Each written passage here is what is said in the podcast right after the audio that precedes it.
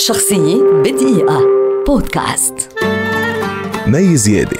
أديبة وكاتبة فلسطينية لبنانية ولدت في الناصرة عام 1886 اسمها الأصلي كان ماري لياس زيادة واختارت لنفسها اسم مي فيما بعد. أتقنت مي تسع لغات هي العربية والفرنسية والإنجليزية والألمانية والإيطالية والأسبانية واللاتينية واليونانية والسريانية ونشرت منذ صباها مقالات أدبية ونقدية واجتماعية بلغات مختلفة فلفتت الأنظار. حمل كتابها الأول عنوان أزاهير حلم وكان ديوان شعر باللغة الفرنسية وتوالت إصداراتها منذ ذلك الحين ومنها باحثة البادية كلمات وإشارات المساواة بين الجزر والمد وغيرها الكثير من الكتب التي أثرت المكتبة العربية فضلا عن مقالات وأبحاث في كبريات الصحف والمجلات. عاشت مي زيادة صقيع الوحدة وبرودة الفراغ الهائل الذي تركه لها من كانوا سندها الحقيقي في الحياة.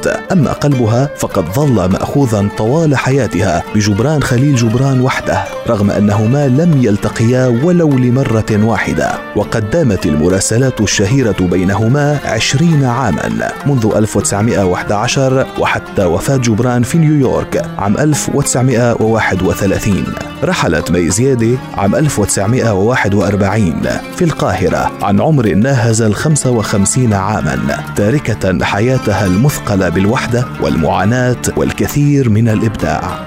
شخصية بدقيقة. بودكاست.